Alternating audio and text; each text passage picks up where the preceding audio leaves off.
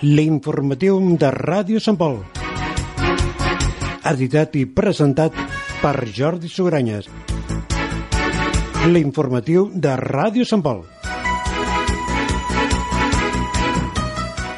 Comencem l'informatiu d'avui divendres 7 de juny fent un repàs a l'actualitat informativa d'aquesta setmana i l'agenda cultural de Sant Pol. Avui entrevistarem la periodista i guionista Núria Parera, que avui divendres a la tarda presenta el seu llibre La maleta a la Biblioteca de Can Coromines. També conversarem amb Michel Leiberic i Joan Caballero, dos veïns de Sant Pol que a mitjans del mes de maig van realitzar una gira de conferències sobre la cultura catalana a París.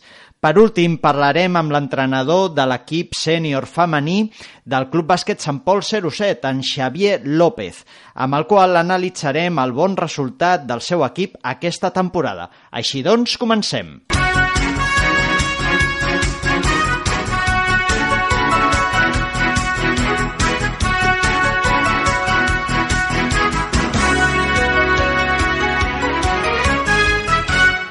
Aquest divendres, 7 de juny, la Biblioteca de Can Coromines acull la presentació del llibre La maleta, de la periodista, guionista i escriptora Núria Parera, amb il·lustracions de Maria Argueta. És un acte organitzat per la Biblioteca i l'Arxiu Municipal de Sant Pol. La presentació començarà a les 7 del vespre i comptarà amb la presència de la seva autora. I tenim al telèfon a la Núria Parera perquè ens doni més detalls doncs, de la presentació i de la seva obra. Bon dia, Núria. Hola, bon dia. Uh, la maleta, aquest llibre teu i de, amb il·lustracions de la Maria Argueta explica l'evolució del segle XX no? i de principis del segle XXI a partir d'esdeveniments que viu una maleta doncs, que va de mà en mà uh, dels protagonistes del, del teu llibre. Uh -huh. Com s'ha t'acut aquesta idea doncs, de fer protagonista una maleta, un objecte, i que vagi passant per la història del segle XX? Doncs perquè vaig voler fer un, una mica una reflexió sobre les migracions al llarg de la història, eh, arran de tot el que estem veient, de les migracions a, a Síria, tots els refugiats, tots els, bueno, tots els camps de refugiats que hi ha no només a Síria, sinó també a Àfrica i eh, aquí mateix a Europa, a molts llocs. I llavors mm, volia acotar-ho una mica en el temps, perquè no podia explicar totes les migracions de la humanitat, Clar. i vaig pensar que el segle XX és un segle eh, ja prou compacte i prou intens, que passen moltíssimes coses, a, a més és el segle que tots coneixem millor, i, i llavors volia parlar de diferents històries relacionades amb la migració. Uh Mhm. -huh. I el primer objecte que em va venir al cap doncs, és una maleta, no? la maleta que agafes per posar les quatre coses imprescindibles Ah. i marxar de casa per anar a buscar un futur millor. I aquesta maleta em em va servir molt per unir els diferents personatges que surten en el llibre, que són vuit, i, i que alguns són família entre ells, però altres simplement són coneguts o ni es coneixen. I llavors la maleta m'ajudava molt a fer de fil conductor a la història.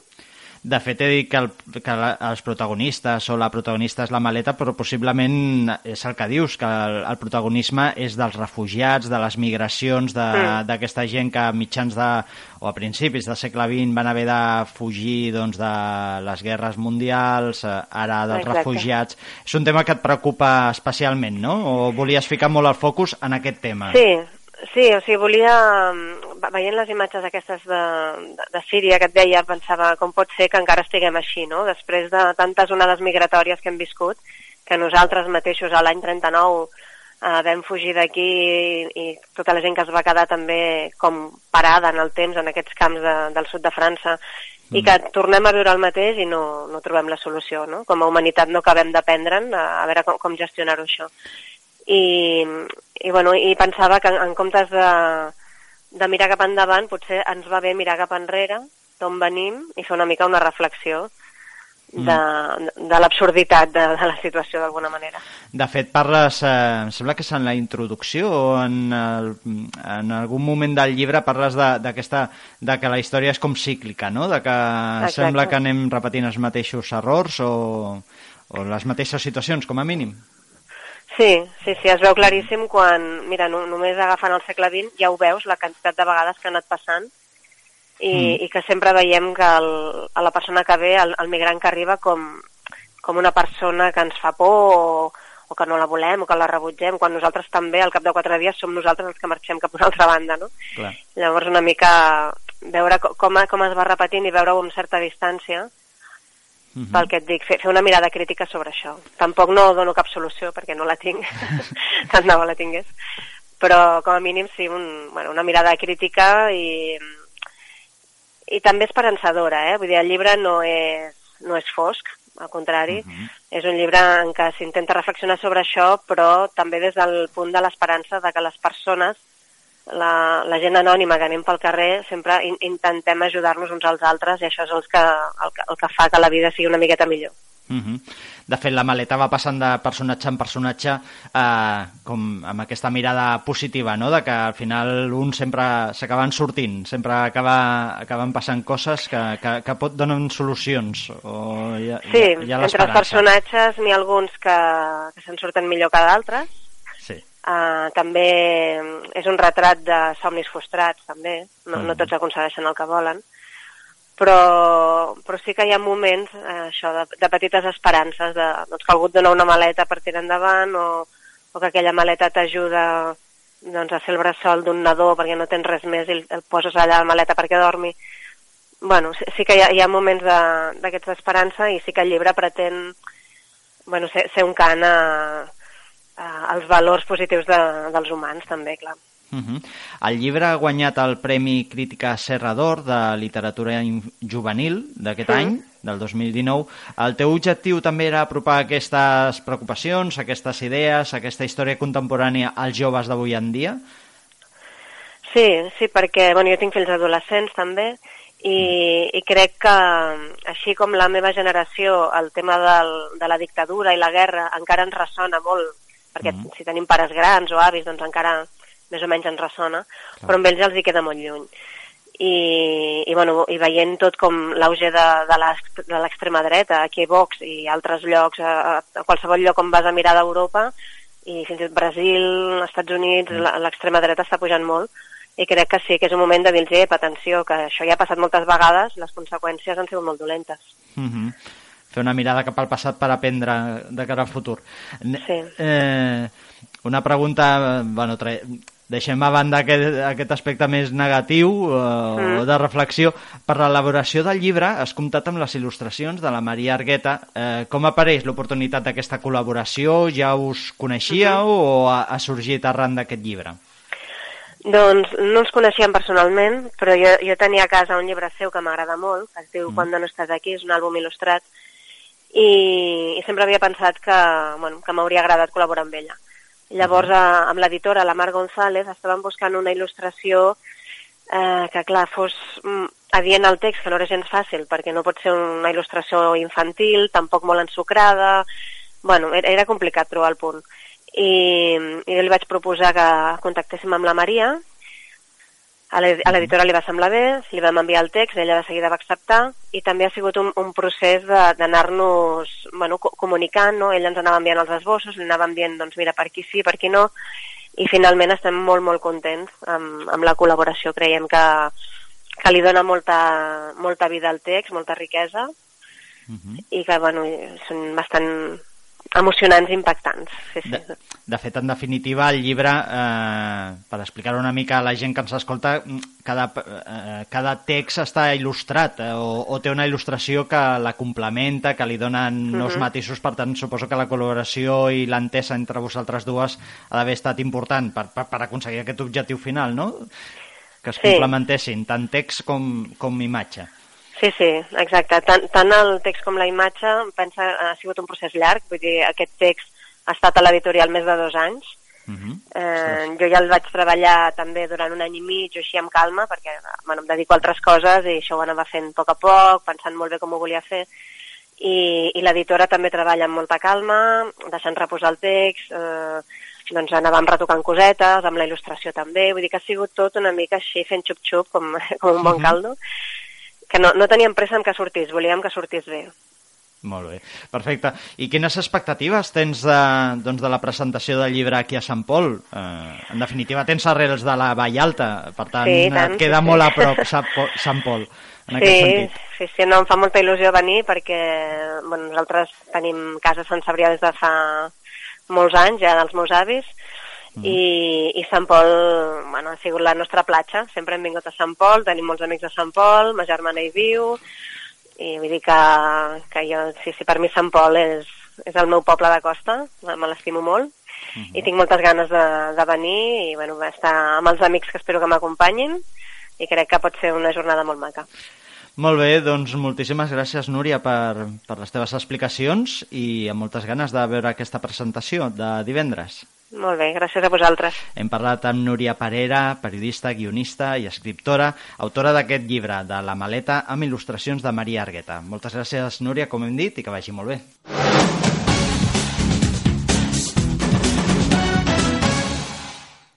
I comencem el repàs de l'actualitat amb notícies de l'àmbit polític, ja que d'aquí una setmana, el 15 de juny, es, es constituirà el nou consistori després de les eleccions municipals. Per una banda, Esquerra Republicana i la CUP ja han anunciat a través d'un comunicat de premsa conjunt que estan treballant per assolir un acord polític i de govern, en paraules seves. Als comicis, Esquerra Republicana va aconseguir quatre regidors i la CUP 3, un total de 7 regidors que els permetria governar amb una àmplia majoria absoluta. Republicans i copaires avancen que l'acord es presentarà públicament en un acte en els pròxims dies. Per altra banda, Junts per Catalunya de Sant Pol de Mar ha confirmat que passa a l'oposició durant els pròxims quatre anys. La candidatura encapçalada per l'alcaldessa en funcions, Montserrat Garrido, explica en un comunicat que es va reunir amb representants d'Esquerra Republicana després de les eleccions. El seu objectiu era oferir un pacte d'estabilitat entre les dues llistes més votades. Segons Junts per Catalunya, malgrat que no els van imposar cap condició prèvia, Esquerra va desestimar aquesta opció i els va comunicar que preferien pactar amb la CUP. En l'escrit, Junts per Catalunya recorda que la seva llista ha estat la força més votada en les eleccions per tercera vegada consecutiva i que faran una oposició responsable i constructiva.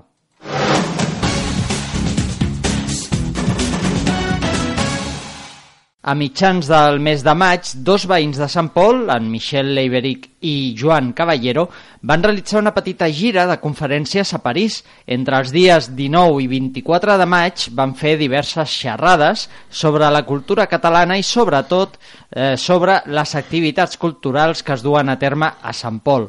Aquestes conferències portaven el títol de Fires, Festes, Cultura Popular llengua i identitat. Les associacions de voluntaris catalanes, l'exemple de Sant Pol de Mar. Per a que ens donin més detalls d'aquestes xerrades i del tema que es va tractar durant aquestes, hem convidat als estudis de Ràdio Sant Pol en Michel Leiberic i en Joan Caballero. Bona tarda a tots dos. Bona tarda. Bona tarda. Com sorgeix la possibilitat de realitzar aquesta sèrie de conferències, de xerrades a París?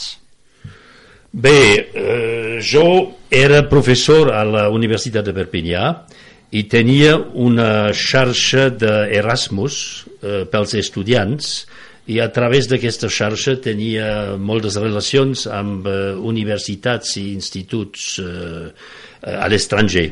Uh -huh. Doncs eh, quan encara treballava a la universitat se feia regularment eh, conferències després de la meva jubilació vaig guardar tots aquests contactes i bé eh, he guardat tots els, eh, les, les relacions amicals que tinc també amb aquestes, amb aquestes universitats i des de fa uns anys eh, faig aquestes eh, conferències no sol però amb el meu col·lega uh mhm. Agafeu, en aquest cas heu agafat el tema que heu escollit és molt concret, és la cultura catalana però basat en Sant Pol. Uh, doncs d'on sorgeix aquest anàlisi? Com, com sorgeix la idea de fer aquest anàlisi i, i quina feina heu fet en aquest sentit? Jo, jo estic integrat amb la majoria de les entitats del poble col·laboro amb elles, ajudo tot el que puc i degut a això li vaig dir a Michel podíem donar l'exemple de Sant Pol que hi ha molt de voluntariat i moltes entitats que ho fan tot desinteressadament i, i així es va anar i va, li va semblar també la idea bona i, i vam tirar endavant el carro uh -huh. de fet en la xerrada doncs expliqueu que la gran activitat de voluntaris, com deia ara el Joan, i l'activitat cultural que existeix a Catalunya i especialment a Sant Pol és conseqüència de no tenir estat propi, no? Eh, li doneu aquesta, aquesta teoria política eh, i com és això? Com, com arribeu a aquest raonament? Bueno, jo he fet uh, classes d'història i tinc la meva teoria sobre aquest, uh, aquest problema mm. és que um, eh, observo que els estats, els, les nacions i els pobles que no tenen estats, observo que intenten crear estructures eh, culturals i polítiques i també al nivell de l'educació perquè justament volen volen eh, com es diu que no, tinguin, que no tenen estat volien crear aquestes estructures fora de les,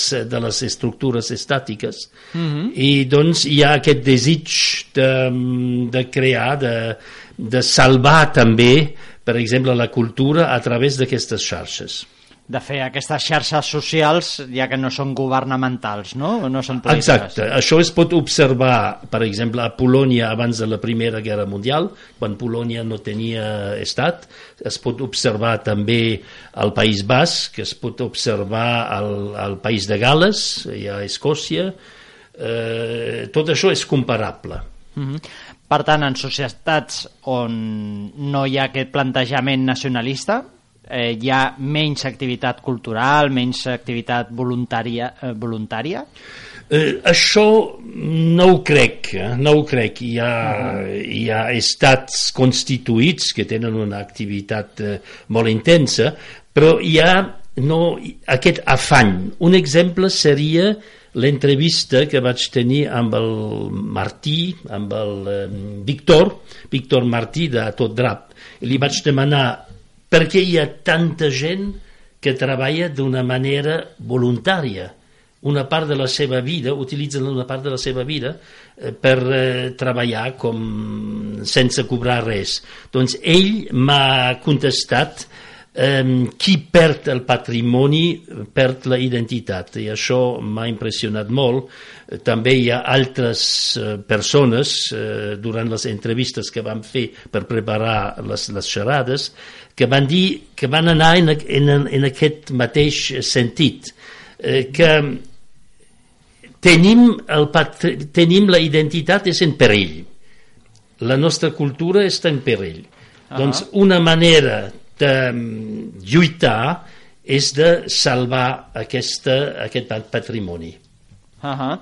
Eh, de fet, mm, per preparar aquestes xerrades vau parlar amb diverses eh, entitats, oi? Vau parlar amb un total de sis, si no m'equivoco? Correcte. Mm -hmm. Que són a tot drap, Penya sí. Síndries, eh, Diables de la Vallalta, si no m'equivoco. Mm -hmm. Quines, quines més les teniu? I Sant Antoni, els Tres Toms. Mm -hmm. Fira Alternativa, la Mireia Estol. Uh -huh. Sí molt interessant també l'entrevista amb, la, amb, la, amb la Mireia. Eh, potser podria explicar una cosa que seria interessant. Durant anys vam fer sí. conferències eh, d'una manera teòrica. Es parlava del procés, de les violències eh, de la policia, es parlava d'una manera teòrica de, les, eh, de, de la història catalana. I vam arribar a un punt, era l'any passat, eh, que teníem ganes de canviar, de no parlar de Catalunya d'una manera teòrica a partir d'un llibre d'història, però a través de la nostra experiència.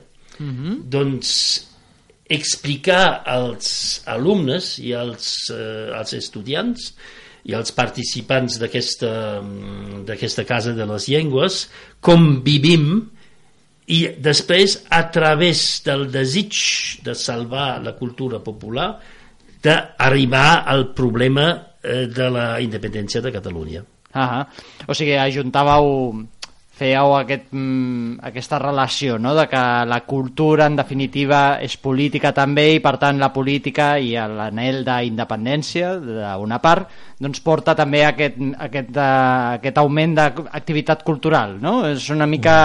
Eh, és, el, és el ser de, del català, no? De, de la identitat catalana, potser. Sí, sí. Es tractava de tomar un tema que ells mostressin interès, que, mm -hmm. que deixin com encisats, no?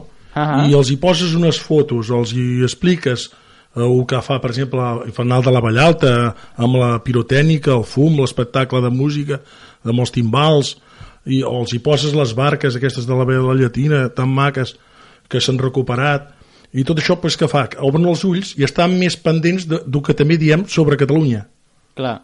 Com, com va ser la rebuda ara dèieu, no?, que vau agafar aquest tema perquè una mica per, per, per aixecar l'interès i que llavors es, escoltessin el que havíeu de dir, no? Com va ser la rebuda? Com, quina va ser els comentaris que potser us van fer al final? Eh, La majoria d'estudiants, la majoria, tots volen venir cap aquí per viure aquesta, diguem, com, com una revolució cultural, a part mm -hmm. de la revolució independentista, també volen veure aquesta revolució, aquesta revolució que hi ha així cultural.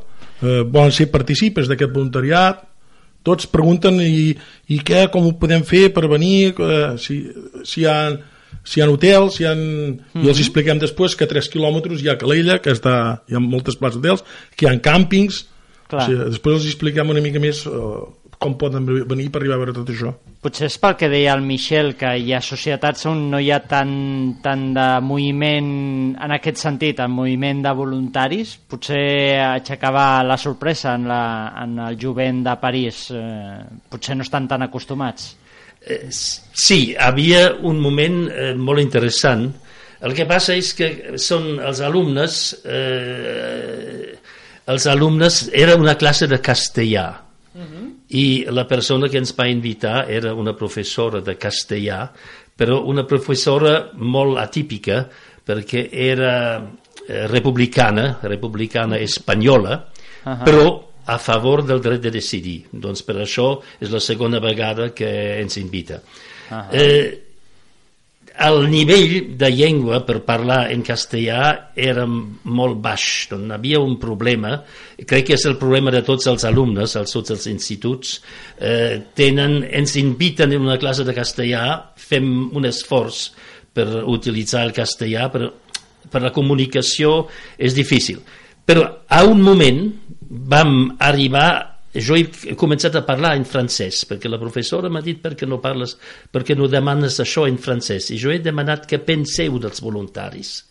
I això era molt eh, he notat que no havien pensat en aquesta, en aquesta, en aquesta qüestió. Hi havia dues persones que deien sí perquè és enriquidor uh -huh. de treballar sense cobrar. Eh, i després, evidentment, la professora era molt contenta de, de, perquè volia arribar a aquest, eh, a aquest punt que treballar sense cobrar pot ser també un plaer. Uh -huh. És crear, és crear cultura. I Clar. potser eh, no hem pogut insistir massa en aquest, en, en aquest punt. Crec que es pot desenvolupar més eh, aquest punt de la gratuïtat no, d'aquest treball. Uh -huh potser per, per un nou cicle de xerrades, no?, si us conviden al pròxim cicle. Sí, sí, sí. Uh -huh. um, creieu en aquest sentit que els francesos estan interessats per la cultura catalana? Trobeu aquest, eh, aquest eh, punt de lligam que en definitiva hi ha entre les dues nacions o els dos països no? que, que tenien certa relació en el passat? Sí, ells ells se'ls hi veu que tenen un interès en tot això que està passant a Catalunya en quant eh, que els hi arriba sobre el tema dels de, de, els, els, els presos polítics sobre mm. el, el president exiliat tot això, esclar, ho, ho tenen molt a la vora ho tenen allà mateix tot això i ho viuen molt, no? Mm. El que passa és que potser ja n'estan una mica ja cansats d'això i per això intentem amb, amb, amb altres temes ara també volíem intentar el tema de la llengua, el que està passant amb la llengua catalana aquí a Catalunya mm -hmm. del modo que s'està tractant la llengua i això també crec que seria un altre punt interessant perquè els alumnes eh, els crida l'atenció també el problema de la llengua. No entenen que una llengua que està protegida i estigui tan, tan malament aquí a Catalunya. Uh -huh. ho, ho dius, suposo, en el sentit de les crítiques que es fa des d'alguns partits polítics, de que no es parla el castellà, sinó que es parla... o els menys té, a, a vegades el català. No, no es menys té, i també és, eh, eh, hi ha multes, o sigui, no? hi, ha, hi, ha, hi ha repressió. Eh, tu, segons a qui dirigeixes en català, eh, et diuen que, que li hables en cristiano, uh -huh. aquí a Catalunya, i això és el que no pot ser. Uh -huh. Que, a més a més, et posin la multa. Uh -huh. Teniu previst, ara parlàveu eh, d'aquest nou projecte de fer sobre la llengua i sobre la repressió que, que es viuen aquí. Teniu previst fer aquestes mateixes eh, conferències que vau fer a París, fer-les aquí a Sant Pol o, o al voltant? Quan vam fer les, eh, la xerrada a la Casa de les Llengües, la Casa de les Llengües és una institució totalment nova de la ciutat d'Aubervilliers, que és just al costat de, de, de París. Es va presentar el director del Ramon Llull de París, mm -hmm. perquè mm, volia saber eh, qui feia aquestes conferències i apareix també la, la, la paraula llengua. Doncs la presència d'ell ja és una, una, una, una és evident que, que això interessa també les institucions catalanes. Al mateix temps, el, la plataforma de la llengua ens va donar eh, documents pels estudiants i pels els participants de la, de la Casa de les Llengües. Eh, L'interès eh, crec que és molt gran. D'una un, banda, l'interès per la situació política és gran, eh, però d'altra banda per, també els lingüistes, sobretot a França i a Alemanya, s'interessen particularment pel problema de la llengua. Uh mhm. -huh. I no saben, no saben po poca cosa sobre aquest tema. Uh -huh. Doncs tot és possible. Eh? De, de tota manera, vam rebre des de fa anys moltes invitacions i cada vegada fem una, una xerrada surten noves, noves possibilitats. De fet, ara m'estàveu dient, m'estàveu desbatllant un nou tema no? que, que voleu tractar no? en les pròximes eh, conferències Clar. o xerrades que aneu preparant. O sigui, suposo que és un no parar doncs, que aneu combinant les conferències amb nous projectes de conferències. Exacte, sí. Uh -huh. Molt bé, doncs moltíssimes gràcies a tots dos. No sé si m'he deixat alguna en el tinter, si, si voleu doncs, aprofitar una, un últim moment doncs, per explicar alguna cosa o per convidar si, si teniu nous projectes al jo, cap. Jo, per exemple, m'agradaria una anècdota que sí, ja, ens van, ja ens hi vam trobar fa dos anys. Uh, els alumnes de, de l'Institut de, de, de Petén doncs ens van cantar els segadors i uh -huh. aquesta vegada ens l'han tornat a cantar però ho vols que no, no en una classe solament, o sigui, vam, vam fer tres conferències en aquest institut, els alumnes, i els tres ens van cantar l'himne dels segadors, i això emociona, no? Eh, és un detall que ens fan, ja aquí anem, ells miren d'aprendre aquest, eh, aquest himne. déu nhi Sí, era, era imprevist i impressionant. La professora qui, eh, que ens ha invitat eh, la, ara no me'n recordo com es diu, la Rosemary, Rosemary Serrano, Uh -huh. eh, com he dit abans, és eh, republicana, profundament republicana, i eh, treballa en el marc de la, de la recuperació de la, de la memòria històrica eh, a l'estat espanyol. I ella, per exemple, li agradaria venir a Sant Pol per fer una conferència aquí.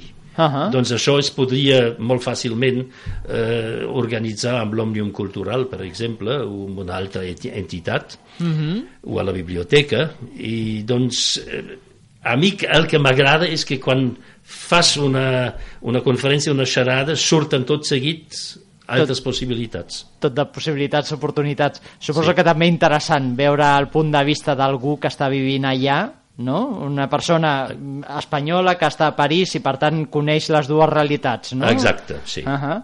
molt bé, doncs moltíssimes gràcies a tots dos, a Michel Leiberic i al Joan Caballero, veïns d'aquí de Sant Pol, que doncs, ens van il·lustrant amb aquestes conferències i que fa pocs dies doncs, vam celebrar aquesta petita gira de xerrades a París.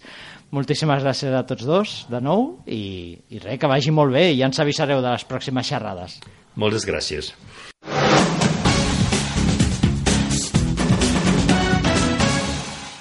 I seguim amb l'actualitat de la vila. Els Mossos d'Esquadra van detenir el passat 29 de maig dos homes i una dona veïns de Sant Pol de Mar acusats de tràfic de drogues i tinença il·lícita d'armes. La detenció de dos dels acusats es va dur a terme al carrer Joan Coromines, on hi tenien llogada una casa on emmagatzemaven la droga que després distribuïen per Europa. El tercer acusat és el presumpte cap de la trama i va ser detingut a Canet de Mar. En l'operació es van requisar 2 quilos de cocaïna, 20 quilos de capdells de marihuana, 9 quilos d'aixís i pastilles estupefaents. tot per un valor de 280.000 euros en el mercat negre. També es van intervenir dues pistoles amb munició i més de 25.000 euros en efectiu procedents de la venda de la droga. Els detinguts de nacionalitat italiana ja tenien antecedents de tràfic de drogues i el jutjat de guàrdia d'Arenys de Mar va decretar ingrés a presó per als tres acusats. Canviem de tema. Fins a la setmana vinent es poden demanar les ajudes econòmiques per al menjador escolar de cara al curs vinent. Les sol·licituds per demanar aquestes ajudes es poden recollir a l'Oficina d'Atenció al Ciutadà de la plaça de la Vila, als serveis socials de la plaça Antoni Sauleda o al portal municipal santpol.cat. La documentació per demanar els ajuts per al menjador escolar s'ha de presentar al Registre General de l'Ajuntament abans del pròxim 14 de juny. I acabem el repàs a l'actualitat amb una notícia cultural. Ja s'ha fet públic el nom de les dues habaneres que seran finalistes en l'onzè concurs d'habaneres Vila de Sant Pol de Mar. Es tracta de les cançons La dansa infinita de la mar, de Maria del Mar Coma, i Manuel, de Lluís Lozano. La final del concurs es disputarà el pròxim 24 d'agost, en el marc del 17è 17è, volíem dir, Festival d'Habaneres, que organitza la Penya Síndries i l'Ajuntament de Sant Pol. El Festival d'Habaneres comptarà en guany amb les actuacions dels grups Portbó, Peix Fregit i les Xanxovetes.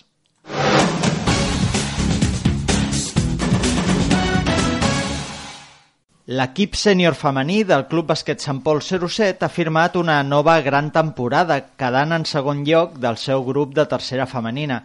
Ja vam parlar amb el seu entrenador, en Xavier López, amb motiu de la nit de l'esport, que va premiar l'equip com el millor equip en categoria femenina i el propi Xavier López com a millor tècnic esportiu.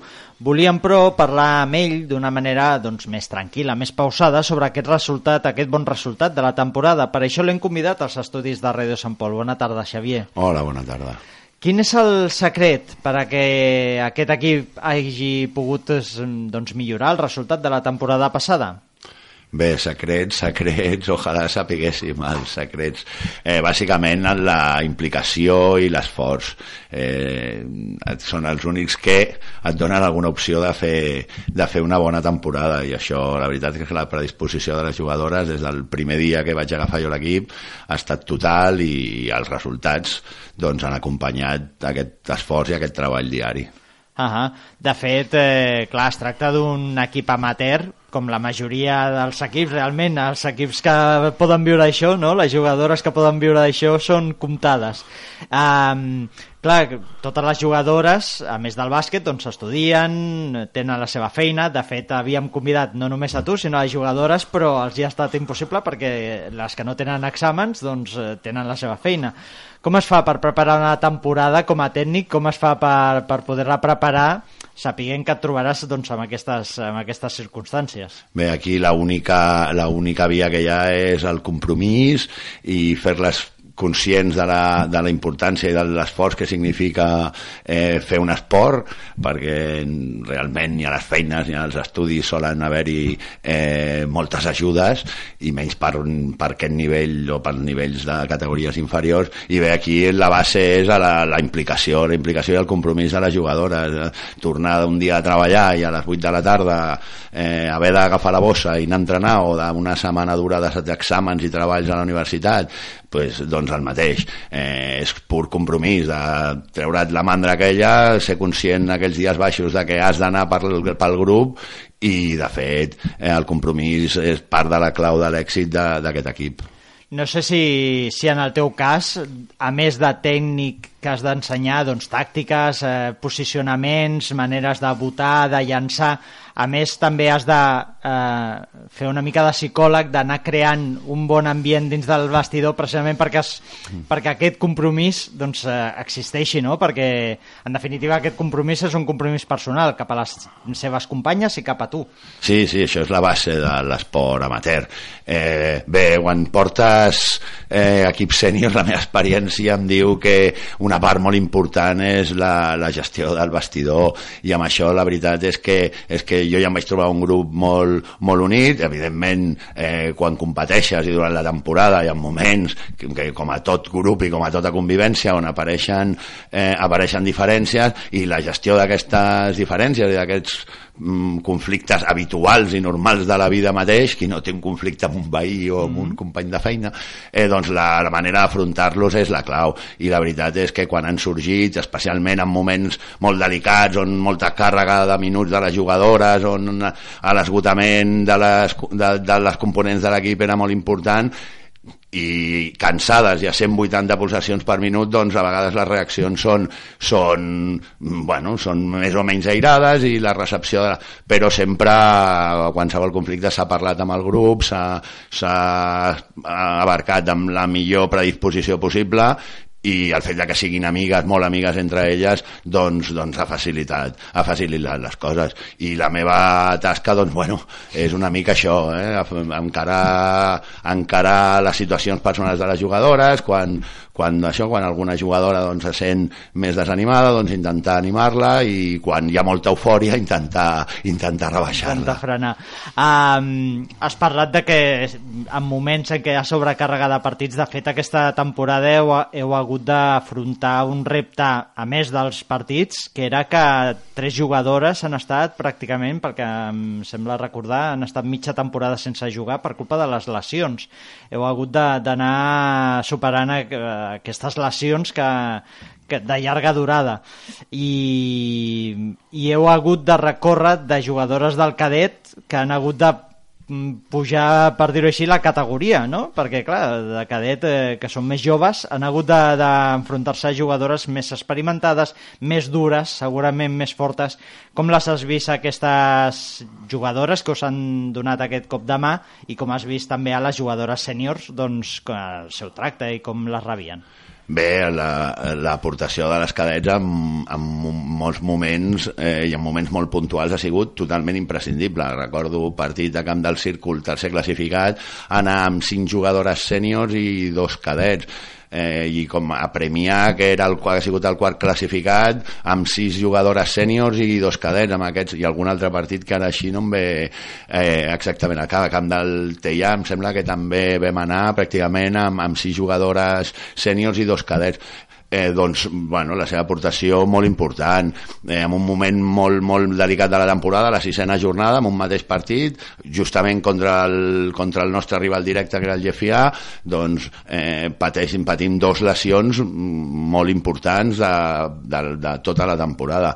Eh, a la setmana següent, una altra companya, la Clara, eh, també pateix una lesió greu que s'ha anat complicant i, i ha acabat també costant-li tota la temporada i per acabar-ho ja de rodonir a una de les jugadores més, més importants o sobretot del joc interior i per la seva experiència, que és la Cristina Terrides, eh, li canvien el torn d'horari i ha de, de la feina i ha de plegar de l'equip, tot i que després en moments puntuals i donada la situació ha tingut la deferència i la implicació de lo que parlàvem abans de, de venir a partits puntuals tot i no entrenar, tot i no poder estar al 100% a donar un cop de mà.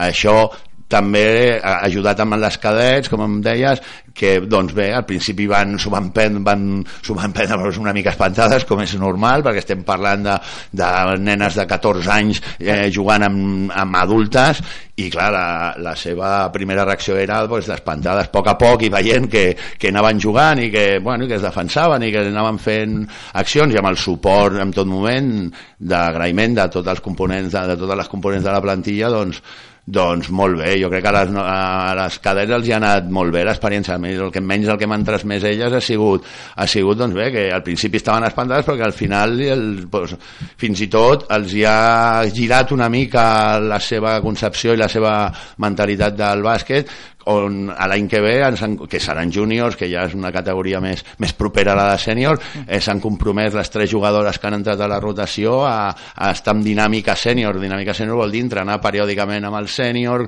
eh, poder venir a més partits d'una manera, esperem, toquem fusta més tranquil·la i més relaxada, i la veritat és que que me n'alegro, me n'alegro per elles i me n'alegro també una mica pel, pel, pel, pel bàsquet Sant Pol amb el sentit que això, que les jugadores de la casa del poble doncs agafin aquesta implicació i vegin, vegin doncs això, que el seu poble i el seu club doncs, doncs els hi donen oportunitats i poden, amb, poden començar a participar i doncs tenen una mica de trajectòria de llarga durada de, sense haver d'agafar el cotxe per anar a jugar fora déu nhi la diferència, no?, que deies de 14 anys, pràcticament nenes o adolescents, jugant amb noies que possiblement tenen 20, 20 22, 24 anys, no? Sí, sí, eh, sí que és cert que, que, que a, a tercera al, al, al nivell físic o molts dels equips amb els que ens trobem eh, doncs, bueno, doncs són, són sèniors B amb els quals també són equips amb jovenets però igualment la diferència segueix sent important. Mm -hmm. la veritat és que a les noies els ha d'aplaudir la seva valentia i la seva, i la seva predisposició i el, això i haver fet aquest pas endavant. Mm, sí, la diferència és important però l'han suplit amb il·lusió i, amb, i sobretot amb, amb molts moments fins i tot amb, amb un punt important de, de caràcter mm -hmm. uh, durant una part molt important de la Lliga vau estar doncs, en primera posició o empatades amb el Llafià i el frec a frec per la primera posició. No sé si vau considerar seriosament la possibilitat de, de poder-vos de ser líders, de guanyar la categoria, o si el Llafià ja, ve, ja veieu que estava un pas per endavant. Bueno, amb el Llafià, si fem balanç dels dos partits que vam jugar, de fet només em vam perdre eh, un parcial de 10 a 0, que ens va costar, que ha sigut la diferència amb els 80 minuts dels dos partits. Sí, el Llafià la veritat és que un equip que baixava de segona catalana, que havia pogut mantenir el bloc, era un equip molt potent i molt ben treballat i molt ben conjuntat. Eh, i hem competit amb, amb elles, que era el nostre objectiu. Eh, eh, a Camp Seu vam patir les dues lesions, també vam, vam tenir un petit problema, diguéssim, logístic, per dir-ho d'alguna manera, és a dir, no trobàvem, hi havia tres jugadores que no hi trobaven al pavelló i vam arribar molt justes, i aquesta sortida ens va costar els 8 punts amb els, o els 10 punts, perdó, que, que al final va ser del que vam perdre. Justament quan havíem remuntat, quan ens posem a dos punts d'elles, es trenca la primera jugadora i quan ens refem d'aquesta primera lesió, vull dir que una mica, al final també hi ha un punt d'atzar. A camp nostre, jo crec que a camp nostre eh, va ser un gran partit. Per mi, la millor victòria, tot i no guanyar, va ser veure el pavelló ple, amb gent donant suport, no només aquí a Sant Pol, al bàsquet, sinó a sobre al bàsquet femení. Això per mi, mm. possiblement, almenys personalment, és el que més, el que més orgullós estic de la temporada, veure un, el pavelló ple amb tant de la gent de, del Llefià, evidentment que també hi havia una part de públic del Llefià, amb, amb gent de, de Sant Pol i fins i tot d'algun poble del voltant gaudint d'un partit de bàsquet femení a Sant Pol.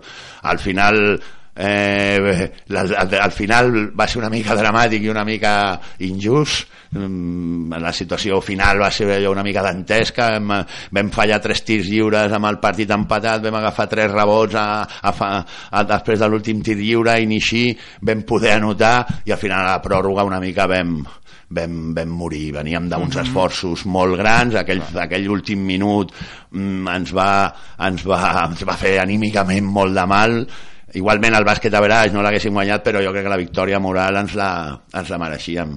Eh, jo igualment estic, repeteixo, molt orgullós de, de tota la temporada i especialment d'aquell partit i bé, i al final això és un esport, és un joc i, i, i hem de saber guanyar i a vegades toca guanyar, a vegades toca perdre. S'ha de vendre tot en definitiva final. Um, la temporada vinent hi ha canvis, em comentaves l'altre dia que hi ha canvis en les categories i feu un pas endavant en una categoria nova no? que integra integra altres equips. No sé, segurament m'ho pots explicar millor tu. Sí, a, a, de fet, eh, amb la segona posició, amb la regulació, diguéssim, de categories normal, haguéssim pujat. Avui en dia seríem equip de segona catalana. Ens ha agafat un any de remodelació de categories, amb la qual la federació el que fa és igual igualar-ho amb el masculí, és a dir, que hi hagi una tercera A que en femení fins ara no existia, amb la qual per fer-la el que han fet ha sigut els sis equips últims classificats de segona catalana venen, baixen a aquesta categoria i els sis primers de la tercera eh, tam, es completen en aquesta categoria. Uh -huh. La veritat és que jo personalment crec que, crec que ens va bé, ens va bé en el sentit de que potser eh, amb l'estructura encara del club eh, amb un júnior de primer any amb un sènior molt jovenet pujar a la segona catalana potser eh, era un pas que ens, que ens haguéssim llançat igualment, però potser era un pas molt gran. Mm, amb aquesta reforma, doncs, bueno, jo crec que, que, que evidentment es puja el nivell de la categoria i per nosaltres i puja el nivell possiblement al nostre nivell. I per tant eh, doncs bé, enfrontem un repte amb una temporada amb una temporada la que ve mm, emocionant i, i, i, i engrescadora i tot un repte pel, pel club i per les jugadores i l'enfrontarem com la vam enfrontar aquest any. Al treball diari, a afrontar Uh, com diu aquell el futbolero el Simeone a partit a partit a treballar-ho com l'hem treballat aquest any i, i preparades per, per saber que, que la rival, doncs el, rival, el grup puja de nivell i nosaltres haurem de, també de pujar la nostra ambició no sé si, clar, coneixeu ja alguns dels equips que, puj que pugen o que formaran aquesta categoria. No sé si ja us heu fixat en algun, si ja sabeu els, els que seran els ossos durs de, de Rossegà. Bé, de la categoria que es mantenen, el Círcul Catòlic i el Premià són... Bueno, el Premià és el Premià B, per tant, sempre pot haver-hi, són equips dels B, són equips que d'un any per l'altre poden canviar molt la seva composició eh, el Círcul Catòlic també és un B, és un sènior B amb el, però clar, són, són clubs que tenen una estructura molt potent a sota, amb júniors a preferent, a interterritorial, en principi aquests equips mmm, fins que confeccionin la plantilla no saps ben bé, el que sí que seran molt potents seran els equips que, que baixen. Encara no estan definits tots els equips perquè s'estan jugant les promocions de, de descens de segona catalana actualment. Amb aquesta setmana, aquest dissabte i diumenge acabem de saber, sabrem els equips que finalment baixen. I evidentment quan baixen hi ha equips que sí que una mica es les, munten una mica les plantilles però de ben segur que no serà tots els equips. Clar. i si baixen sis doncs com a mínim quatre 4 o 5 mantindran un nivell, un nivell important. Clar, i, el, I els que dius que tenen estructura de club important o un club amb moltes categories suposo que, que es poden refer més fàcilment que altres que, que, que potser no en tenen tant, no? Sí, sí, clar, estem, estem parlant d'un Premià que acaba d'assolir el seu primer equip, acaba d'assolir Copa Catalunya, per tant, és, i, tenen un, i venen amb júniors, amb equips júniors, em sembla que tenen un júnior femení interterritorial, que és un nivell de, el segon més alt de Catalunya Catalunya de nivell, el mateix al círcul catòlic, algun altre bé que puguis que es pugui formar, és molt habitual amb aquests clubs fer un any a tercera amb, amb júniors perquè si és cert que la categoria sub-21 a femení doncs no ha acabat de quallar i molts d'aquests clubs potents el que fan és fer un any, sortir un any de, diguem-li, de rodatge a aquestes noies que venen de júnior. Si el seu primer equip està doncs això, a Copa Catalunya o a Primera Catalana, que són categories realment fortes, doncs solen fer un, un any de transició a tercera eh, aquests equips sempre, doncs això, mm, sí que són noies joves i una mica inexpertes, però la intensitat i la qualitat la tenen i bé, i serà, serà un repte xulo. Igualment no, no et veig espantat, eh? al contrari, molt, molt motivat, no? Sí, sí, i, bueno, jo, soc, jo i tots els que ens dediquem a això una mica alma competitiva i ens agrada competir contra els millors possibles no, jo confio en la jugadora, jo he treballat molt a gust, he vist les, crec que tenim un potencial important, falta, falta m'ha quedat el regust aquest de a quin nivell podríem haver... Perquè, clar, estem parlant ara que teníem deficiències als partits per als partits, però això possiblement sigui el, el, el més fàcilment solucionable. El Ludó ha estat entrenar, jornar, entreno darrere entreno amb 6, 7, 8 jugadores, 5, 7, 8 jugadores. Això... Eh, dos setmanes, tres setmanes es pot assumir bé, quan, has, quan estàs de mentalitzar que això serà pràcticament durant tot el que queda de la temporada es fa, es fa dur i en canvi bueno, a mi m'ha quedat aquest regust on podríem haver arribat sense, sense aquestes lesions de tan llarga durada uh mhm. -huh. i per tant confio plenament amb, la, amb les meves jugadores a m'han demostrat una capacitat eh, de patiment important i amb l'esport de competició la capacitat de patiment és, és, és, és un valor molt bé, doncs moltíssimes gràcies, Xavier, per les teves explicacions. Hem parlat amb Xavier López, entrenador del sènior femení del Club Bàsquet Sant Pol 07. moltíssimes gràcies i molta sort de cara a la temporada vinent. I moltes gràcies i, i agrair-vos a Ràdio Sant Pol doncs, tot el, el suport que ens heu donat a la base de difusió dels partits del femení en concret i em consta que, que de les altres de les, de les categories del club també. Moltíssimes gràcies. A vosaltres.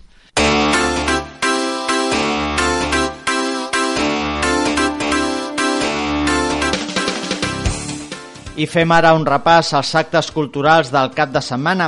Avui divendres, la Biblioteca de Can Coromines acull el Club de Lectura Lletres amb Cor, adreçat a infants de 8 a 10 anys.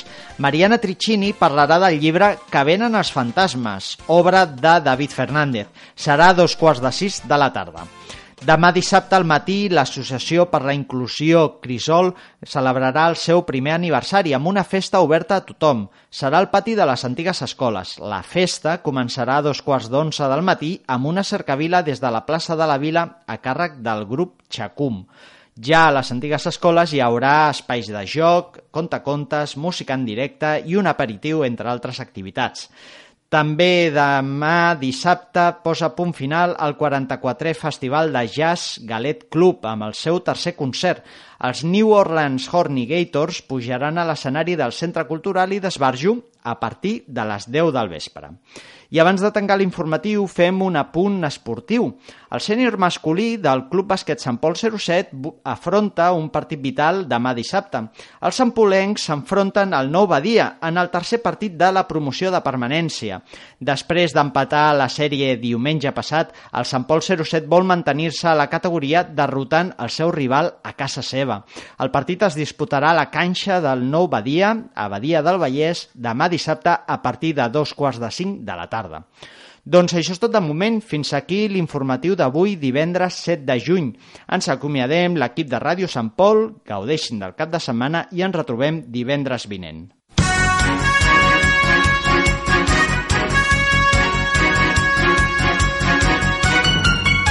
L'informatiu.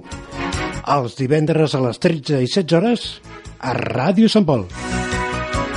També per internet i a les xarxes socials.